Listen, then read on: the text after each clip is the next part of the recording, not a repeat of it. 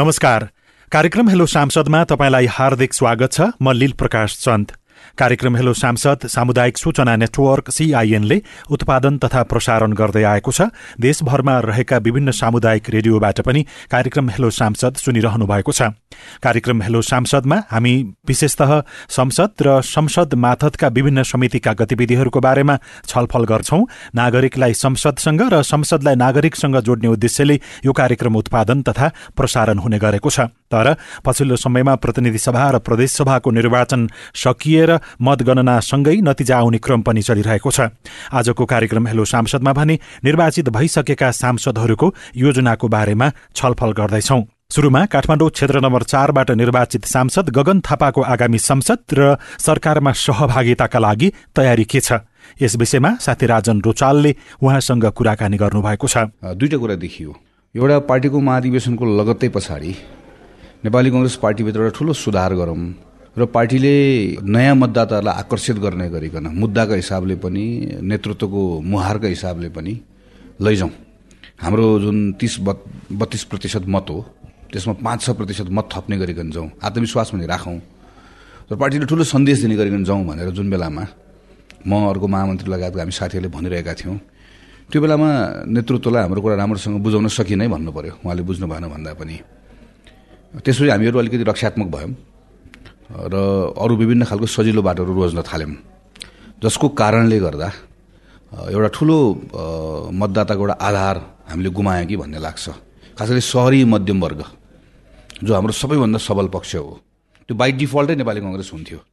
सहरमा बस्छ गरी खान्छ यो उदार प्रजातन्त्र विश्वास गर्छ होइन? त्यस कारणले गर्दा उसको प्रा उसको पहिलो चोइसै नेपाली कङ्ग्रेस हुन्थ्यो। हामीले सङ्गठनै गर्नु पर्दैन थियो। हामीले सङ्गठन गरेर सदस्यता कटाएर नेपाली कङ्ग्रेस भएको होइन ऊ। उसको रोजाइ नै कङ्ग्रेस हुन्थ्यो।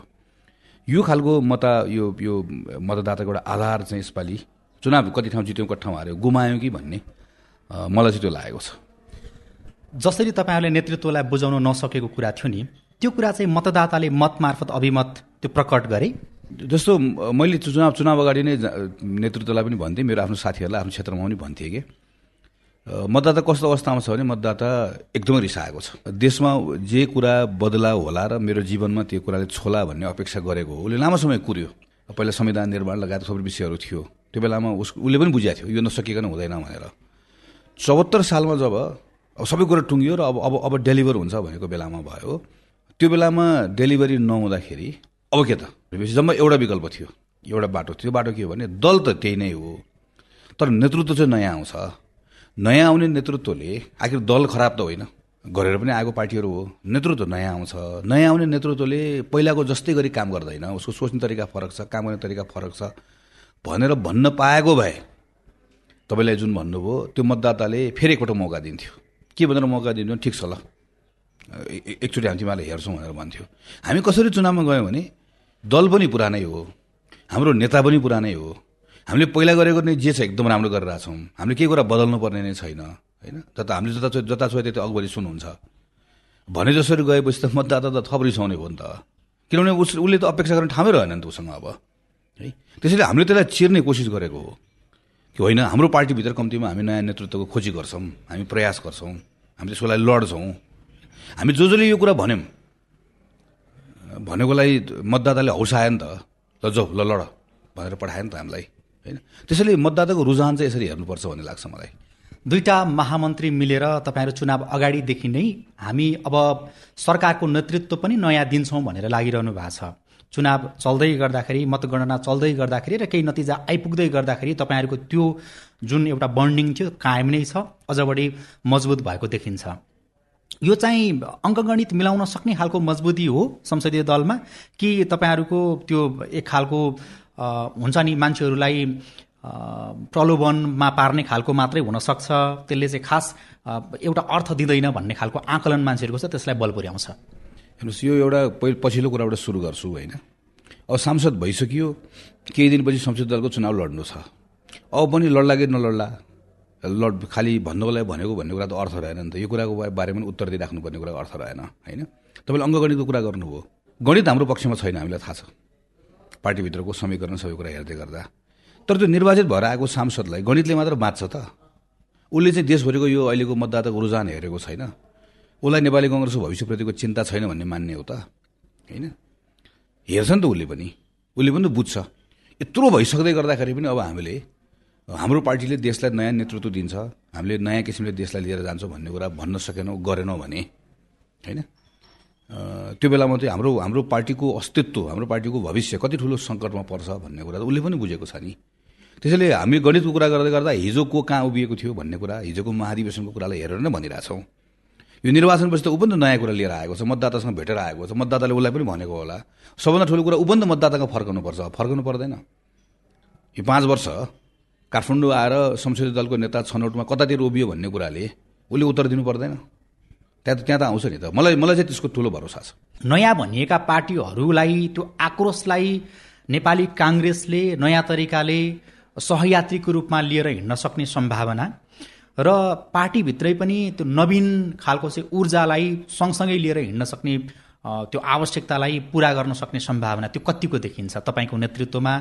सँगसँगै अर्को महामन्त्रीले पनि साथ दिँदै गर्दाखेरि। नेपाली कङ्ग्रेस पार्टीभित्रको त हामी व्यवस्थापन गर्न सकिहाल्छौँ। मैले अघि नै भने होइन? मलाई त के लाग्छ भने यतिखेर अब हामीले हाम्रो पार्टी सभापतिजी वरिष्ठ नेता होइन र अरू नेताहरू जो हुनुहुन्छ उहाँहरूको यो पार्टी एक प्रकारले बनाएकै उहाँहरूले हो। हामी त उहाँहरूको एक एक ढङ्गले भन्ने हो भने हाम्रो अभिभावक हो। हामी उहाँहरूको शिष्यहरू हो। त्यसैले अब गुरुहरूले अब सोच्ने बेला आयो। हामीमाथि किन भरोसा नगर्ने? किन एउटै व्यक्तिले लगातार जिम्मेवारी लिइराख्नुपर्छ भन्ने कुराको त्यो त्यो त्यो भावनाले घर किन गर्ने?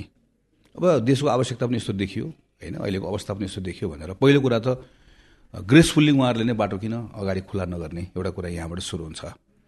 अरू बाँकी कुरा पार्टीबाट मिलाउन सक्छौँ। तपाईँले भनेको नयाँ जो पार्टीहरू आउनु भएको छ होइन?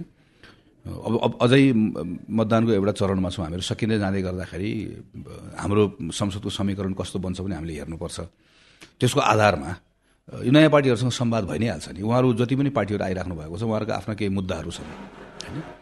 तर ती मुद्दाहरूलाई सँगै बसेर नेपाली कङ्ग्रेस पार्टीसँगै बसेर एउटा समझदारी कायम गरेर आखिर सबैको हामी अहिले हामी नेपालले एउटा सुशासन प्राप्त गरोस् भन्ने हामी सबैको चाहना छ। सुशासन पारदर्शिता हामी सबैको मुद्दा हो। त्यसमा काम गरौँ भन्ने हो होइन?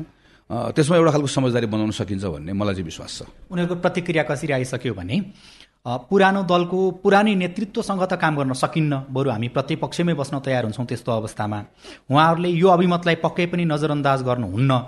त्यसो हुँदाखेरि पुरानो दलका नयाँ नेतृत्व हुँदाखेरि चाहिँ त्यो समूह नै नयाँ आउँदाखेरि त सोच्न सकिन्छ सम्म भन्नुभएको छ। मैले पनि हेरिरहेको छु पढिरहेको छु उहाँ सबैको कुरा होइन। तर अहिले टु अर्ली टु कमेन्ट भन्छ नि। हेरौँ न अझै केही दिन प्रतीक्षा गरौँ कसरी आउँछ मत परिणामहरू होइन।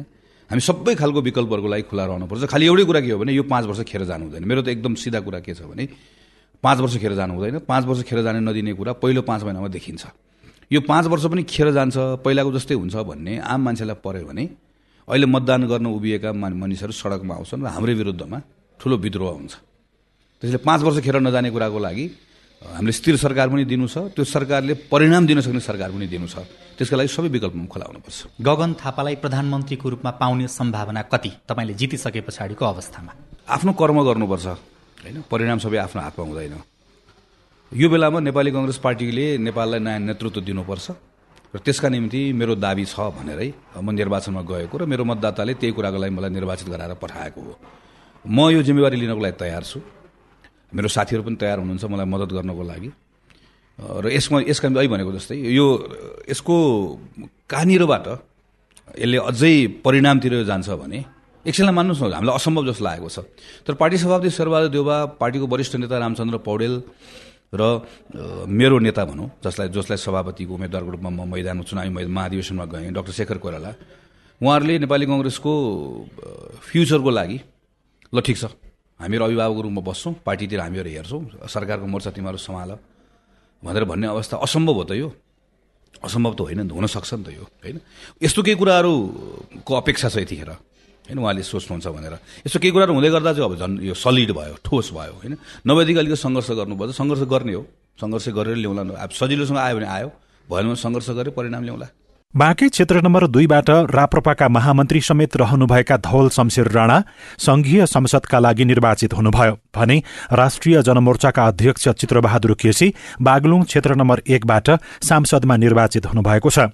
सांसद राणा र केसीका आगामी योजना के छन्? साथी अविनाश आचार्यले उहाँहरूसँग कुराकानी गर्दै हुनुहुन्छ। सबभन्दा पहिले त क्षेत्र नम्बर दुई बाँकेको जनतालाई मैले धन्यवाद ज्ञापन गर्नुपर्छ। त्यो धन्यवाद ज्ञापन तपाईँको मार्फत पनि गरिरहेको छु। दुई दुई कार्यकाल नगरपालिका चलाइयो यहाँ दुईचोटि नगरपालिकालाई बनाइयो। र अहिले नमुना नगरपालिका भएको छ नेपालगञ्ज। अब सक्दो काम र मेहनत क्षेत्रमा र देशको प्रगतिको लागि गर्ने हो। दुईटा पाटो हुन्छ। सांसदको एउटा आफ्नो निर्वाचन क्षेत्रको अभिभावक अभिभावकको भूमिका निभाउने र अर्को चाहिँ नि देशको उन्नति र प्रगतिको चाहिँ नि लागि नियम कानुन बनाउने र चाहिँ नि सुशासन भ्रष्टाचारलाई न्यूनीकरण गर्ने सबै कुराहरूको कुरो जिम्मेवारी सांसदहरूमाथि हुन्छ। यस्ता कुराहरूलाई मैले गम्भीरता साथ अगाडि बढाउँछु। कार्यकारी क्षेत्रमा रहँदा तपाईँले निभाएको भूमिका र अब संसदभित्र गएर तपाईँले निभाउने भूमिका चाहिँ अलिकति अलग हुन सक्छन्। यसलाई चाहिँ तपाईँले कसरी अगाडि बढाउनुहुन्छ? नगरपालिकाको भूमिका कार्यकारिणीको भूमिका हो होइन? त्यो ह्यान्ड अन काम हुन्छ एउटा कम्पनीको सिइओ जस्तो काम गर्नुपर्छ। सांसदको भूमिका अलिक फरक हुन्छ। एउटा देशको नियम कानुन निर्वाचन क्षेत्रको अभिभावकता अभिभावकलाई ग्रहण गर्नुपर्छ। अलिकति फरक तर जति फरक भए पनि अब काम गर्ने मेहनत गर्ने मान्छेलाई त्यति अप्ठ्यारो पर्दैन। राप्रपाबाटै तपाईँसँगै अन्य उम्मेद्वारहरू पनि अगाडि हुनुहुन्छ केही स्थानमा जित पनि अगाडि बढिराखेको छ। अन्य उम्मेद्वार र अन्य पार्टीहरूलाई पनि अलिकता वैकल्पिक हिसाबले सोचिराखेको स्थितिमा तपाईँको पार्टी नै पनि अहिले अघिल्लो निर्वाचनमा जुन अवस्थामा थियो त्यो अवस्थाभन्दा अलिकता माथि उठ्ने जस्तो देखिन्छ। यो अवस्थामा अब तपाईँ स्वयं महामन्त्री पनि हुनुहुन्छ। यसलाई चाहिँ तपाईँले कसरी लिइराख्नु भएको छ? मैले सकारात्मक दृष्टिकोणको लिइरहेको छु आज राप्रपा एउटा राष्ट्रिय पार्टीको रूपमा अगाडि बढिरहेको छ। र हाम्रो आफ्नो जुन मूल एजेन्डाहरूलाई हामीले कायम गराउने प्रयास गर्छौँ। साथ साथमा यो भ्रष्टाचार विरोधी अनि राष्ट्रलाई एउटा एउटा समृद्ध राष्ट्र एउटा चाहिँ आर्थिक रूपले पनि सबल राष्ट्र बनाउने योजना जुन हाम्रो रहनेछ त्यसमा चाहिँ म दत्तचित्त भएर लाग्नेछु। बागलुङ क्षेत्र नम्बर एकबाट निर्वाचित हुनुभएका चित्रबहादुर केसी सँग हामी कुराकानी गर्छौँ। टेलिफोन सम्पर्कमा हुनुहुन्छ। बागलुङ क्षेत्र नम्बर एकमा अलिक कडा प्रतिस्पर्धा जस्तो देखिन्थ्यो। अन्तत जित तपाईँकै पक्षमा भयो। अब यसलाई चाहिँ तपाईँले खास आफ्नो जितलाई कसरी लिइराख्नु भएको छ यस अगाडिकै सांसदलाई पनि तपाईँले पराजित गरेर आफू त्यहाँ जित्दै गर्दाखेरिको अनुभव?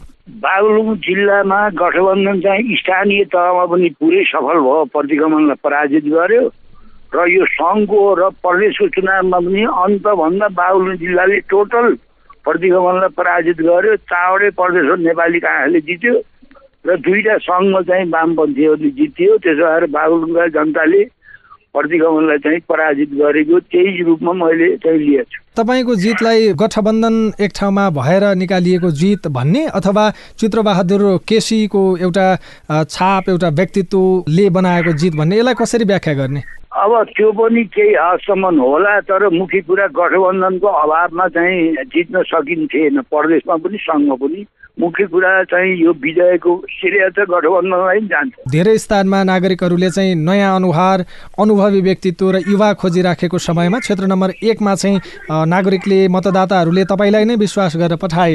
अब चाहिँ क्षेत्र नम्बर एकका जनताले तपाईँले जितिसके पछाडि पाउने चाहिँ के हो? उनीहरूका अपेक्षा चाहिँ अनेक थरी हुन सक्छन्। तपाईँको बाटो चाहिँ कस्तो हुन्छ? मूल रूपमा अब नेपाली जनताका जे समस्या छन् आधारभूत समस्या त बाहुलको जनताको पनि छ।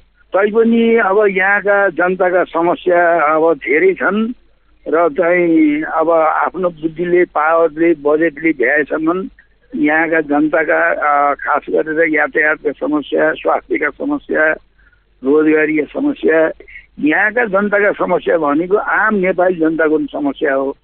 त्यस कारणले ती जनताका समस्याका बारेमा चाहिँ हामी गम्भीर हुनेछौँ र त्यतातिर काम गर्छौँ भन्ने लाग्छ क्षेत्र नम्बर एक केही कुरा गर्दाखेरि पनि त्यहाँ विकास निर्माणका थुप्रै पाटोहरू अल्झेर बसिराखेकै छन्। काली गण्डकी करिडोरको विषय एकतर्फ छ। बलेवा विमानस्थलकै विषय एकतर्फ छ। समग्र अहिले पछिल्लो समय चाहिँ पर्यटकीय गतिविधि त्यहाँ बढ्दै गएको जस्तो अलिकति देखिन्छ पनि। त्यसलाई अझै विकास गर्नुपर्ने आवश्यकता पनि त्यहाँ प्रबल देखिन्छ। त्यस लगत्तै अन्य थुप्रै थुप्रै त्यहाँ पर्यटनका रूपमा विकास गर्नुपर्ने पूर्वाधारहरू छन् त्यहाँका मन्दिरहरू मठहरू छन् त्यहाँको संस्कृति छ कला छ। उनीहरूले चाहिँ चित्रबहादुर केसीबाट अब अपेक्षा गर्ने के हो? होइन बुद्धि वर्गले तागतले बजेटले भ्याएसम्म त यहाँका बाहुलुङका जनताका यो जिल्लाका जनताका समस्या समाधान गर्न लागिहालिन्छ नि यसमा अब जति समस्या छन् ती एकैचोटि अब समाधान हुन्छन् भनेर पनि भन्नुहुन्न।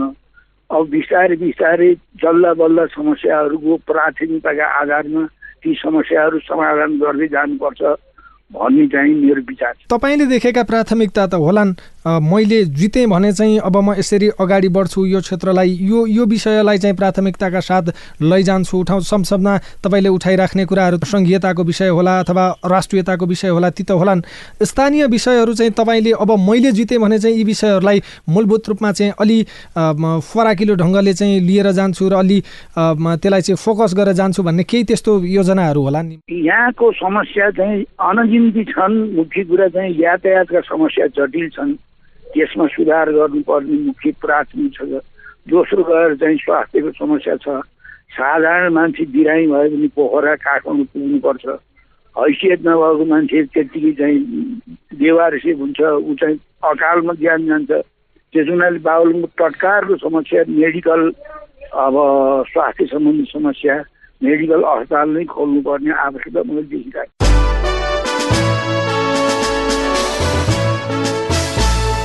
रोल्पा प्रदेश खमा भने स्वतन्त्र उम्मेद्वारी दिनुभएका दिपेन्द्र पुन विजयी हुनुभयो।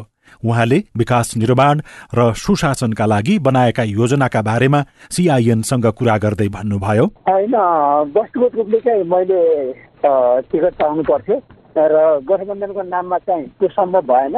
नभएपछि चाहिँ सबै साथीहरूको अब अनुरोध साथ सल्लाहमा चाहिँ मैले स्वतन्त्र उम्मेद्वार दिएँ त्यसको परिणामस्वरूप मैले अत्यधिक बहुमतका साथै विजय भएको छु। माओवादी केन्द्रले गठबन्धन गरेको थियो नेपाली काङ्ग्रेससँग। त्यस कारणले कारवाही गर्यो तपाईँलाई र फेरि अब तपाईँ फर्केर पार्टीमै जानुहुन्छ भन्ने पनि कतिपय छ कतिपयले तपाईँ जानुहुन्न भन्ने छ। तपाईँको विचार के छ यसमा? होइन म त अहिले चाहिँ स्वतन्त्र नागरिक हैसियतमा छु। अब यसपछि मलाई चाहिँ मेरो त्यतिखेरको पार्टीले के गर्छ जुन रवैया अप्नायो त्यो फेरि पनि एसिमिकन अब अप्नायो अनि चाहिँ अप्नायो भने म चाहिँ त्यहाँ अब जबरजस्ती कोचिन जाने अनि चाहिँ त्यहाँ चाहिँ जाने कुरो भएन। बाँकी कुरो चाहिँ यसपछि अब त्यो पार्टीको रवैया के रहन्छ अथवा कस्तो अब नीति अवलम्बन गर्छ त्यसको आधारमा चाहिँ मैले सोच्नु पर्ला। मतदाताले तपाईँलाई जिताएर पठाए। अब तपाईँले मतदाता जो तपाईँको क्षेत्र त्यो धेरै सङ्ख्यामा मत पाएर निर्वाचित हुनुभयो मतदाताको लागि तपाईँ के गर्नुहुन्छ? मतदाताको निम्ति दुईवटा काम हुन्छ। एउटा चाहिँ सफ्टवेयरको काम एउटा हार्डवेयरको काम होइन? अब शिक्षा स्वास्थ्यका कामहरू चाहिँ यो मानव संसाधनको कामहरूलाई मैले म्याक्सिमम् जोड दिएर जान्छु। अर्को पूर्वाधार तर्फको कामहरूलाई चाहिँ अब आधारभूत रूपले यहाँ सम्पन्न भएका छन् त्यसलाई चाहिँ गुणस्तरीय गराउने कुरामा चाहिँ मेरो जोर रहनेछ तपाईँले अब उठाउने एजेन्डा अथवा संसदमा गएर यो चाहिँ काम गर्छु भन्ने केही लागिराखेको छ कि छैन? ठ्याक्कै चाहिँ सङ्घ प्रदेश स्थानीय तहमा थुप्रै चाहिँ विकास निर्माण गर्ने निम्ति अब टेन्डरहरू हुने गर्छन्। रोल्पा जिल्लाको एउटा क्रोनिक प्रोजेक्टको रूपमा चाहिँ अथवा समस्याको रूपमा चाहिँ निर्माण व्यवसायले काम लिइदिने अनि त्यो काम गरिदिने। भएको हुनाले आगामी निम्ति विकास निर्माणको काम छ यसलाई चुस्त दुरुस्त बनाउनको लागि तपाईँले काम गर्ने। किनभने दस वर्ष हुँदा पनि यहाँको योजनाहरू सम्पन्न नहुने र यहाँका रोल्पाली जनताले बजेट प्राप्त गरेर पनि त्यसको उपभोग गर्न नहुने ठुलो समस्याको रूपमा छ। रोल्पाबाट निर्वाचित सांसद हुनुहुन्थ्यो दिपेन्द्र कुमार पुनमगर रोल्पा खबाट निर्वाचित हुनुभएको हो। स्वतन्त्र रूपमा उहाँले उम्मेदवारी दिनुभएको थियो। नेपाली काङ्ग्रेस र माओवादी केन्द्र बीचको गठबन्धनका बेलामा उहाँले असन्तुष्टि जनाउँदै माओवादी केन्द्रबाट बाघी उम्मेदवारी दिनुभएको थियो तर पछि माओवादी केन्द्रले उहाँलाई कारवाही गरेको थियो। यद्यपि उहाँले स्वतन्त्र रूपमै दिएको उम्मेदवारीका कारण त्यसैका आधारमा पनि त्यहाँबाट निर्वाचित भइसक्नु भएको छ। ओखलढुङ्गाबाट नेपाली काङ्ग्रेसका रामहरि खतिवडा र भक्तपुर क्षेत्र नम्बर एकबाट नेपाल मजदुर किसान पार्टीका प्रेम सुवाल निर्वाचित हुनुभएको छ। सुरुमा हामीले सांसद खतिवडासँग कुराकानी गरेका छौँ। योभन्दा पहिला पनि संविधान सभाको सदस्य भएको थिएँ। मैले आफ्नो कार्यकालमा मैले गर्न सक्ने काम चाहे संसदमा पार्टीको तर्फबाट गर्ने प्रतिनिधित्व होस् चाहे जनताको आवाजहरू भन्काउने कुरा होस् चाहे पार्लियामेन्ट्री सिस्टममा पार्लियामेन्ट राम्ररी चलोस् मन्त्रीहरू सदाचारमा र राम्ररी उपस्थित हुन् संसदीय समितिहरूमा एउटा मर्यादा सुरु होस् र संसदीय समितिमा भएका कामहरू राम्रो हुन् भन्ने आफ्नो भूमिका निर्वाह गरेँ। अहिले पनि म निर्वाचित भर्खर भएको छु। पहिलो कुरा त सम्पूर्ण ओखलडुङ्गेहरूलाई हार्दिक बधाई र धन्यवाद दिन चाहन्छु। म आठैवटा पालिका छ ओखलडुङमा सबै पालिकाहरू सबै ठाउँमा एकचोटि पुगेर काठमाडौँ आउँछु। मैले जुन हिजो सत्तरी सालमा प्रारम्भ गरेका ओखलडुङ्गाका विकास र निर्माणका कार्यहरू ठप्प भएर थिए। ती कामहरू पहिला गर्ने म नेसनल ग्रिड लाइनबाट बत्ती पुर्याउने लक्ष्य छ त्यो गर्छु र प्रत्येक पालिकामा बत्ती पालिकाको सदरमुकाममा लाने लक्ष्य छ।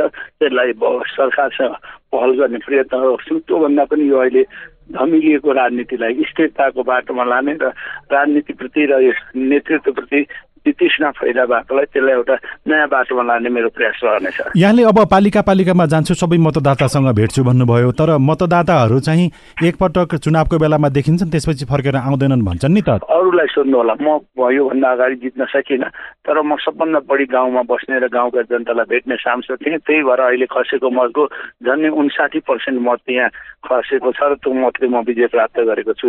खसेको मतको उन्साठी पर्सेन्ट झन्डै मैले ल्याएर विजय प्राप्त गरेको छु। केही सोच्नु भएको छ? संसदमा अझ अरूको भन्दा फरक केही गर्छु भने? यो धेरै कुराहरू छन् हेर्नुहोस्। संसदीय राजनीतिलाई विकृत बनाउने जुन अवस्था छ नि यो कम होस् भन्ने हाम्रो चाहना छ। धेरै युवा साथीहरू निर्वाचित भएर आउनु भएको छ।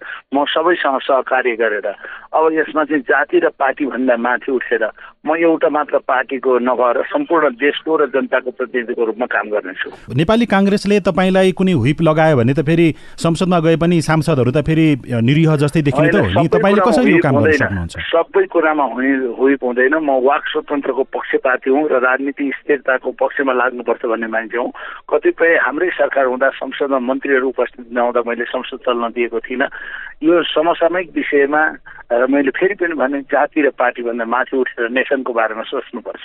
तपाईँले पराजित गर्नुभयो निकटतम प्रतिस्पर्धी हुनुहुन्थ्यो गेराज सुनवार। अब उहाँका पनि केही सपना थिए होला त्यो गाउँको त्यो ठाउँको एउटा समृद्धिको लागि। उहाँका ती सपनाहरूलाई सँगै लिएर अगाडि बढ्ने हो कि अथवा उहाँलाई अब कुनै व्यवस्था गरेर नै अगाडि बढ्ने एउटा सांसदको रूपमा? मैले हिजै म चुनावको घोषणा हुने बित्तिकै मैले आफैले फोन गरेँ कहाँ हुनुहुन्छ आउनुहोस् भने उहाँ मत काउन्टिङमा उपस्थितै हुनु भएन सुरुमा पछाडि परेपछि अन्तिम समयमा उहाँलाई साथीहरूसँग भनेर बोलाएँ। उहाँले मलाई माला लगाइदिनु भयो अघिल्लोचोटि मैले माला लगाएको थिएँ। त्यही भएर आउनुहोस् भने मैले भने आउनुभयो। मलाई पनि माला लगाइदिनु भयो। मैले भने पाँच वर्षसम्म तपाईँले मलाई जित्नका लागि गरेको मेहनतप्रति म आभारी छु भनेर उहाँलाई भने पनि वास्तवमै उहाँहरूको म ओखलढुङ्गामा नेपाली काङ्ग्रेसको मात्र सांसद भएर काम गर्दिनँ। भोट नहाल्ने मलाई नपरेका साथीहरूलाई पनि मैले कसरी भोट दिनेछु भन्ने बनाउने मेरो चाहना छ। ठिक मान्छेलाई चुन्यौँ भन्ने वातावरण सिर्जना होस् उहाँको पनि साथ लिएर म अगाडि जान्छु। हामीसँग अहिले प्रेम सुवाल हुनुहुन्छ। उहाँ भक्तपुरबाट निर्वाचित हुनुभएको हो। सुवालजी यहाँलाई स्वागत छ। हजुर धन्यवाद छ। यो निरन्तर रूपमा यहाँले त्यहाँबाट जुन हासिल गरिराख्नु भएको छ यसपालि कस्तो महसुस गर्नुभयो मानिजु त्यहीबाट अगाडि बढौँ। राजनीतिक कार्यकर्तालाई कहिले सडकमा कहिले संसदमा हो होइन काम गर्ने सेवा जनताको सेवा गर्ने देशको सेवा गर्ने अब संसदमा गएर देश र जनताको सेवा गर्ने हो त्यो जिम्मेवारी आएको हो। नयाँ व्यक्तिको नयाँ पार्टीको विषय पनि आयो यद्यपि तपाईँले त्यो कतिको चुनौती महसुस गर्नुभयो गर्नु भएन तपाईँले कसरी लिनुभयो यसलाई? राजनीतिक पार्टीलाई पनि आत्मनिर्भर बनाउनुपर्छ। अब संविधान अनुसार सबैले पार्टी दर्ता गर्ने उम्मेदवार हुने त्यो सबै पाउँछ होइन? विदेशी प्रभाव र हस्तक्षेप चाहिँ हामीले रोक्नुपर्छ। यसमा सबै पार्टीहरू लाग्नुपर्छ। नेपालको प्राकृतिक स्रोत साधन नेपालीकै लागि उपयोग गर्नेतर्फ लाग्नुपर्छ। अहिले हाम्रो कोशी गुम्यो गण्डक गुम्यो महाकाली गुम्यो कर्णाली गुम्यो अरुण गुम्यो सेती गुम्यो भारतबाट महँगोमा ग्यास ल्याउने यता भयभरको जलविद्युत उत्पादन गर्न पाउने नदीनाला विदेशीलाई दिने भारतलाई दिने त्यो चाहिँ ठिक छैन। त्यो सबै हाम्रो नदीनाला फिर्ता लिनुपर्छ। अब राजनीतिक पार्टीहरूको जो जो संसदमा पुगे उनीहरूको जिम्मेवारी भनेको यो हो। र अर्को युवा जतिलाई विदेश पठाउने अनि यहाँ विदेशी पुँजी ल्याएर हाम्रो राष्ट्रिय पुँजीलाई निरुत्साहित गर्ने। विदेशी पुँजीले नेपालको नेपालीलाई शोषण गर्छ नाफा लिएर फिर्ता जान्छ। त्यसकारण हामीले राष्ट्रिय पुँजीलाई हामीले प्रवर्धन गर्नुपर्छ र नेपालीको विदेशमा सम्पत्ति राख्न नपाउने कानुन बनाउनुपर्छ। संसद भनेको नीति निर्माण गर्ने कानुन बनाउने थलो हो। र नेपालको नेपालीको सम्पत्तिको सीमा पनि बनाउनु पर्छ र यस्तो गर्न सकेमा नेपालीलाई यही काम मिल्छ। तपाईँले जुन यो राष्ट्रियताको विषय त संसदमा पटक पटक तपाईँले उठाएको हामीले सुनि पनि राखेका छौँ र यो सुशासनको कुरा पनि गर्नुभयो। नयाँ व्यक्ति र नयाँ शक्ति संसदमा जाँदाखेरि यो तपाईँले जुन उठाइराखेको विषयमा अझ केही बल पुग्छ? सजिलो हुन्छ? त्यो त सबैको जिम्मेवारी नै यही हो। राजनीतिक दलले त देश र जनताको चिन्ता लिनु पर्यो नि। यही विषयलाई हामीले अगाडि बढाउन सक्यौँ भने राम्रो हुन्छ। जस्तो सिंहदरबार अहिले भ्रष्टाचारको अखडा छ त्यसलाई चाहिँ तोड्नु पर्यो। अस्ति एकजना सचिवले भन्नुभयो सिंहदरबार त भ्रष्टाचारको अखडा रहेछ म त जागिर छोडेर हिजोन जस्तो लाग्यो भने। त्यसकारण ठुल्ठुला भ्रष्टाचारीहरूलाई मृत्युदण्ड दिने कानुन बनाउनु पर्छ। चेलीबेटी बेचबिखन गर्ने र महिलालाई बलात्कारपछि हत्या गर्नेहरूलाई मृत्युदण्ड दिने कानुन बनाउनु पर्छ। मानव अधिकारको गम्भीर उल्लङ्घन भनेको मान्छेलाई टुक्रा टुक्रा गरेर काटेकाहरूलाई पनि मृत्युदण्ड दिने कानुन बनाउनु पर्छ। यस्ता विषय चाहिँ छलफल गर्ने थलो हो संसद भनेको। अब खाद्यान्नलाई आत्मनिर्भर बनाउनु पर्यो। अहिले दाल चामल तरकारी सबै इन्डियाबाट ल्याएर कृषि प्रधान देश अनि समयमा मल नपाउने किसानले मल रोपाइमा अस्ति पाएन अहिले पनि छैन। एउटा मल कारखाना खोल्नु पर्यो र खाद्यान्नमा आत्मनिर्भर बनाएर अब खाद्यान्न चाहिँ विदेशलाई बेच्ने हो नेपालले। त्यति भूमि हाम्रो छ सबै बाँझो छ। त्यो गर्न पाइएन। त्यसका त्यस्ता विषयहरू संसदमा हामीले उठाउने हो। र अर्को विद्यालय शिक्षा नि शुल्क र अनिवार्य हुनु पर्यो विश्वविद्यालय शिक्षा नि शुल्क। किन भन्दाखेरि दस वर्ष अगाडि तेह्र लाख विद्यार्थी एक कक्षामा भर्ना भएका थिए। अहिले यसै दिँदाखेरि पाँच लाख बाँकी भयो। हामीले शिक्षा मन्त्रीलाई सोध्यौँ खोइ आठ लाख? एक कक्षामा भर्ना भएका तेह्र लाख एसईमा पाँच लाख मात्र किन भनेर सोध्यौँ। शिक्षा मन्त्रीले थाहा छैन शिक्षा मन्त्री हुने झन्डावाल गाडी चढ्ने सिंहदरबारभित्र बाहिर गर्ने अनि जनताका छोराछोरी कहाँ छन् भनेर थाहा नपाउने त्यो शिक्षा मन्त्री बन्न पाइँदैन। लाइनमा दिनुपर्छ। त्यस्तै मल चाहिँ नल्याउने कृषि मन्त्री भएर रोपाइँको लागि अनि कृषि मन्त्री हुने कृषि मन्त्रीबाट लाइनमा दिनुपर्छ। यस्ता विषयहरू हामीले संसदमा फेरि पनि उठाउनेछौँ। सङ्ख्या सिट सङ्ख्या कति आउँछ अहिले त यसै नभनौँ तर तपाईँहरू चाहिँ अल्पमतमा पर्दाखेरि कुरा उठाउने मात्रै सुनवाई चाहिँ नहुने समस्याको समाधान के हो संसदमा? छ तपाईँको सिआइएन कति महत्त्वपूर्ण छ? तपाईँभन्दा अर्को एफएमले के भन्छ यो सिआइएन जहाँ अब के चल्छ यसले? भन्ला तर तपाईँले छोड्नुहुन्न नि। तपाईँले आफ्नो सम्मान यही हो सिआइएन भन्छ। त्यसकै हामी जतिसुकै सङ्ख्या होस् त्यो धेरै सङ्ख्या हुनेले देशलाई के गर्यो? बिस खर्बको व्यापार खाता बिस खर्बको ऋण बोकायो। महँगी बढायो भ्रष्टाचार बढायो। त्यसकारण अरू जतिसुकै सङ्ख्या होस् देशलाई बिगार्नेहरू। तपाईँले भर्खरै भने तपाईँको सिआइएनले देश र जनतालाई सुसूचित गर्नुभयो भने अरू जतिसुकै ठुलो मिडिया होस् तर तपाईँ नै राम्रो भन्ने तपाईँलाई लाग्छ हामी पनि त्यही हो। कि तपाईँलाई त्यहाँबाट मतदाताले निर्वाचित गरिसकेपछि पक्कै पनि एउटा अपेक्षा हुन्छ। यद्यपि तपाईँले अघि भन्नुभयो जुन कुरा अहिले निर्वाचनको बेलामा सबै उम्मेद्वारले भनेनन् किनभने उम्मेद्वारको काम कानुन नीति निर्माण गर्ने हो र विकास निर्माणमा उनीहरूको भूमिका गाउनुहुन्छ तर तपाईँले यो संसदको काम त नीति निर्माण गर्ने भन्नुभयो। त्यहाँका जनताले के पाउँछन् तपाईँलाई जसले निर्वाचित गराएर पठाए राम्रो नीति बन्यो भने देशैभरिका जनतालाई सुख सुविधा पाउँछ। मैले अघि उल्लेख गरेँ निशुल्क स्वास्थ्य उपचार भन्नासाथ अहिले घरखेत बेचेर मान्छेले उपचार गर्नुपर्छ। वर्षको पाँच लाख मान्छे घरखेत बेच्नु पा उपचारको लागि घरखेत घरखेत बेच्नु परेको कारण विदेशमा उपचार गर्नु गर्न जानु परेको कारण गरिबी रेखामुनि परेको तथ्याङ्क छ। त्यसकारण हामीले निशुल्क स्वास्थ्य उपचार स्वदेशमै बन्दोबस्त गर्ने एउटा कानुन बनायौँ भने सारा नेपाली जनतालाई फाइदा हुन्छ। मैले अघि शिक्षाको कुरा गरेँ। शिक्षा सबैले नि शुल्क र अनिवार्य पायौँ भने एकदमै राम्रो हुन्छ। अस्ति भुटानको आयो। अब युवालाई चाहिँ हामीले स्वस्थ बनाउन अनुशासित बनाउन सैनिक तालिम दिनुपर्छ। भुटानले पनि त्यो सुरु गर्यो। त्यसकारण नेपालले पनि युवालाई सैनिक तालिम दिने सैनिकमा भर्ना गर्नु पर्दैन अहिलेलाई तालिम दिनुपर्छ। किन? दुईवटा कुरोको लागि। एउटा अनुशासित हुन्छ अर्को चाहिँ स्वस्थ राम्रो हुन्छ। स्वस्थ राम्रो भएपछि देश विकास गर्न युवाहरू लाग्न सक्छ। त्यस्तो कानुन हामीले बनाउनु पर्छ र त्यसको लागि हामी लड्छौँ भिड्छौँ।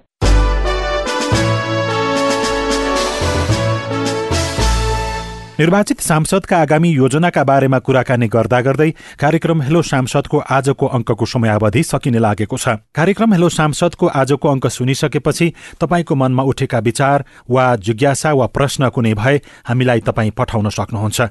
यसका लागि हाम्रो इमेल ठेगाना हो साझा खबर एट जिमेल डट कम अनि शून्य एक बाहन्न साठी छ चार छमा दिइने निर्देशन अनुसार आफ्नो विचार पनि रेकर्ड गर्न सक्नुहुनेछ। प्रविधिमा साथ दिने सुरेन्द्र सिंहलाई धेरै धन्यवाद दिँदै आजको कार्यक्रम हेलो सांसदबाट लील प्रकाश चन्द पनि विदा माग्छु। नमस्कार।